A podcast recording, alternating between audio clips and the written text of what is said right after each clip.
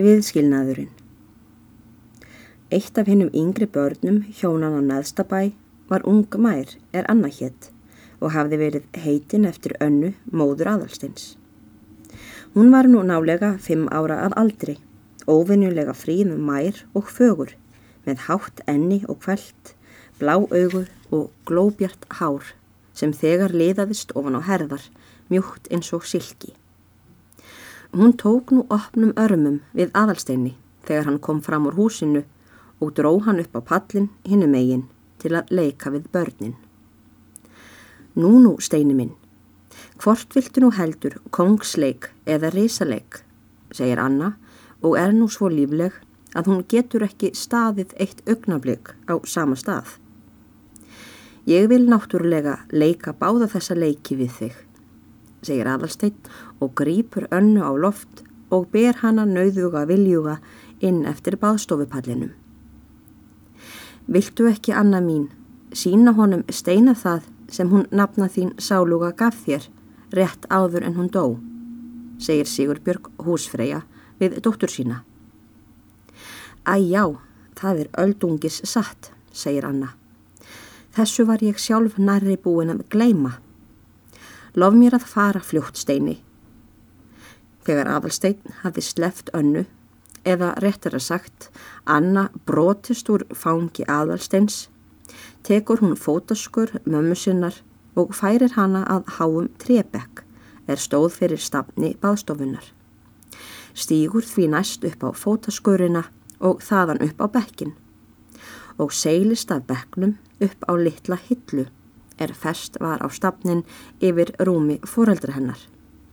Tekur þaðan niður ofur lítinn trestokk með rennilóki yfir og er í öllum þessum reyfingum léttari en fjöður.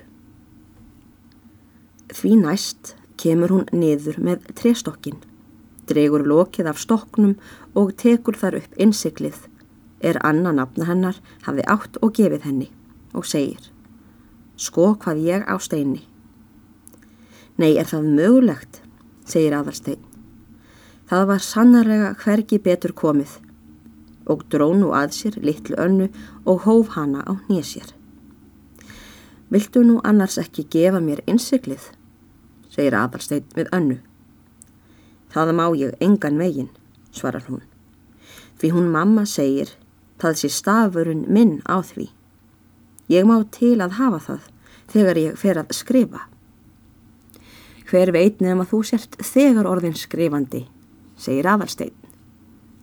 Dálítið ekki samt mjög mikið, svarar Anna.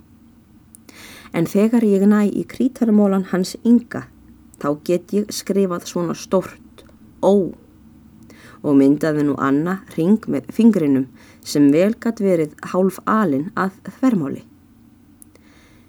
Veistu nú annars hvað stafurinn þinn heitir, spyr aðalsteinn önnu. Já, svarar hún. Hann heitir og nú klórar hún sér með einum fingri bak við eirað. Hann heitir, ég man nú ekki, ég, ég held hann heiti Ó.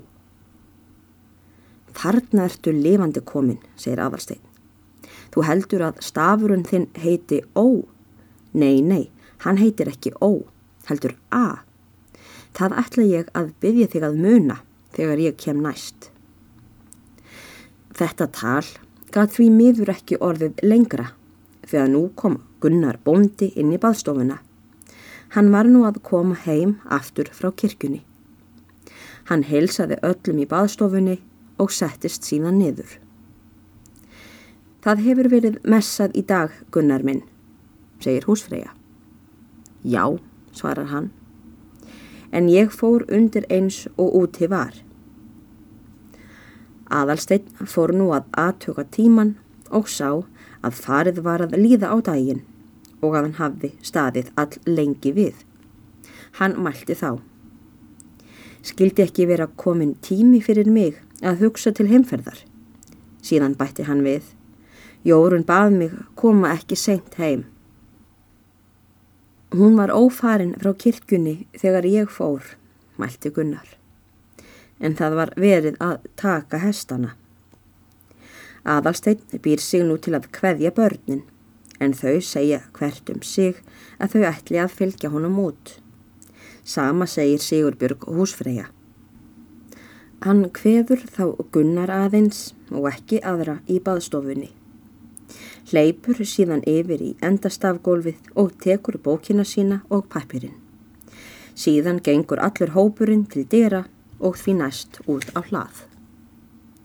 Fjárhús voru söður á túninu á naðstabæ og skigðu þau svo á að eigi sá til vegarins þar að fyrir sunnan.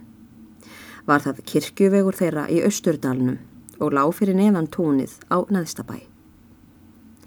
Þegar Sigurbjörg kemur út á hlaðið, heyrir hún og börnin öll glim mikinn og háfaða fyrir sunnan húsin og vita ekki fyrst hvað um er að vera og halda að vera muni heil þyrping af messufólki.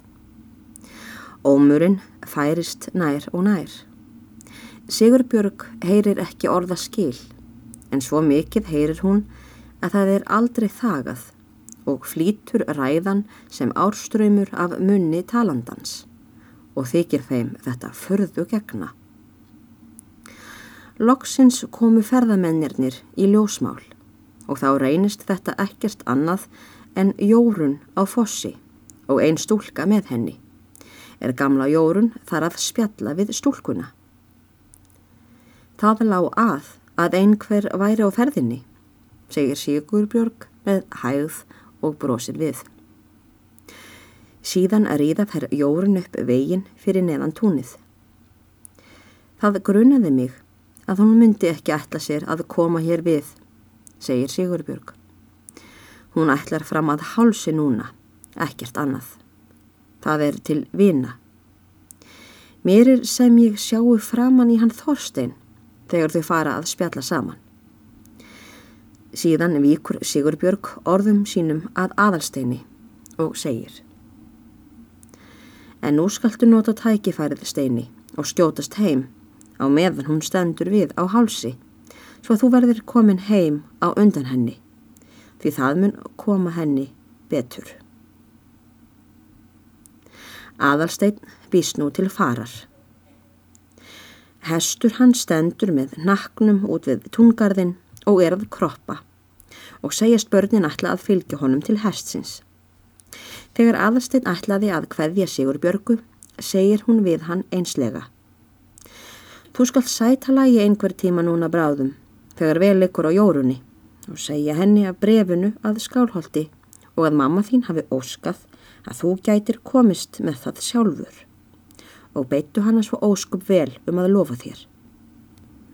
Eftir það hveður aðalsteinn Sigurbjörgu með kossi og þakklæti. Gengur síðan allur hópurinn til hestsins og verður aðalsteinn að lofa einum þremur eða fjórum af börnunum þar á meðal önnu að koma hestinum á bak áður en hann fer og teimur nú sinn kippin undir hverju. Síðan kistir hann hvert af öðru og sest á bak. A heitir hann, Steini, stafurinn minn. Ég skal muna það þegar þú kemur næst. Kallar Anna nú upp og hringsnýst um leið á tábergi hægri fótarins frammi fyrir hesti aðalsteins og reys þá ljóskul holskeflan umhverfis bungur hins undur fríða höfuðs og skallvinast niður yfir drifkvítan hálsin. En andlitið var eintomt líf og var mærin á þessari stundu indislega fögur. Þegar aðalsteinn reið kölluð og eftir honum margar rattir í senn. Komt aftur bráðum steini og heyrði hann enn góða stund að baki sér, söng, hlátur, gleði og glaum og fannst honum sem hann væri ekki einsamall á meðan hann heyrði það álengdar. Það er til fjarlagðin eitti þessum unaðsrómi smám saman og þakkaði niður hinn helga hljóm lífsins fyrir hlustum aðalsteins. Loksins heyrðist svo sem eimur þagnandi hörpustrengja. Síðan var allt hljótt og aðalstein einmanna.